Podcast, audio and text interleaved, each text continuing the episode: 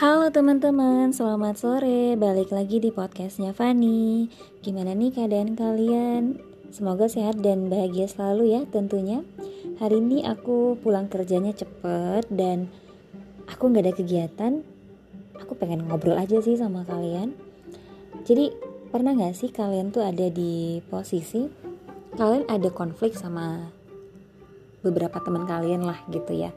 Terus tapi sebenarnya kalian sendiri itu udah merasa better, sudah merasa kayak oke, okay, gue pelan-pelan sudah pulih dari luka itu. Dan ya udah gue sama lo udah biasa aja kayak ya hidup gue hidup gue hidup lo ya hidup lo gitu loh.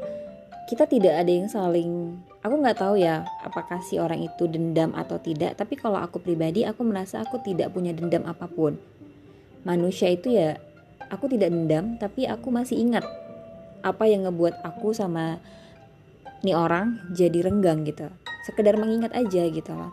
Nah sebenarnya kalau aku pribadi aku sudah biasa aja ya teman-teman. Dengan apa pun yang terjadi dengan masalah yang terjadi antara aku dengan si yang bersangkutan. Nah kalau misalnya kalian ketemu sama si orang ini lagi pasti awkward gitu kan? Mau bicara ataupun kayak sekedar ngelirik aja tuh rasanya awkward banget Aku nggak tahu apakah ini perasaan sakit hati kah atau definisi dari dendam kah atau perasaan lain ya. Tapi kalau aku pribadi aku merasa aku sudah eh, baik-baik uh, saja dengan masalah itu. Aku hanya percaya bahwa waktu akan menyembuhkan ini semua. Baik aku ataupun baik si orang yang bersangkutan itu akan kembali baik-baik aja, cuman butuh waktu gitu bukan sekarang mungkin di hatiku atau mungkin di hati orang tersebut masih ada luka yang belum sembuh. Aku nggak tahu ya tapi aku memaknainya tuh rasanya tuh kayak uh, kita abis kegores kertas kita tuh nggak sadar ada luka goresan kertas ini. Tapi ketika si goresan luka ini kena air perihnya tuh kan masya allah banget ya rasanya. Sakit gitu. Nah aku memaknai rasa luka yang ada di diri manusia itu kurang lebihnya itu sama kayak luka goresan kertas ini. Kita nggak akan sadar atau mungkin kita tidak sadar kalau luka itu ada. Tapi sekali aja ada yang menyadarkan kita atas luka itu, sesaknya tuh nggak bisa dibendung sama sekali. Jadi kayak misalnya aku udah biasa aja sama nih orang. Tapi tiba-tiba ada pihak lain yang mengingatkan aku atas luka itu yang aku punya. Rasanya tuh aku kayak sesak aku pengen ngomong aku pengen nangis aku pengen marah tapi aku nggak bisa mengungkapkan itu. Kayak ya udahlah gitu kan. Luka yang nggak ada satu orang pun yang bisa lihat bahkan diri kita sendiri pun nggak sadar kalau kita tuh punya luka itu. Tapi nyatanya si luka ini ada. Dan itu cuma bisa dirasain sama diri kita sendiri. Dan bisa jadi juga si luka ini yang jadi alasan kita untuk berhenti uh, untuk mungkin komunikasi atau kontekan sama si orang yang bersangkutan. Gitu. Aku nggak tahu ya pernah atau nggak kalian merasakan itu tapi aku pribadi sudah mengalaminya itu lebih dari sekali ya. Dan aku malah jadi merasa lebih baik aja gitu ketika aku sadar luka itu ada. Dan aku tahu kalau aku nggak bisa apa-apa selain memaafkan aku diem dan aku coba pulihin lukaku sendiri dengan menerima keadaan itu.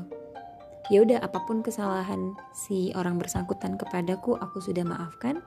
Tapi kalau untuk kembali normal seperti biasa, mungkin kalau sekarang belum bisa. Tapi aku percaya suatu saat nanti luka akan menyembuhkan diri kita sendiri.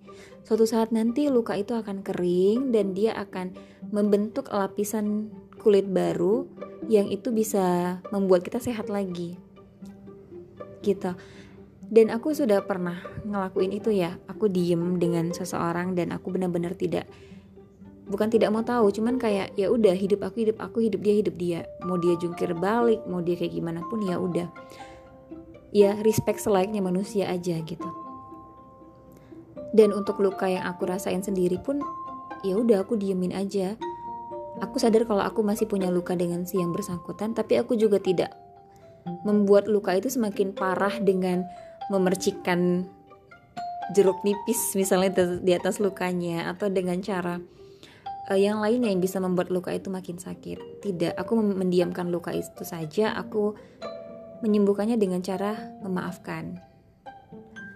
Dan rasanya itu lebih tentram aja sih menurut aku. Ketika kita bisa memaafkan seseorang atas luka yang dia perbuat kepada kita.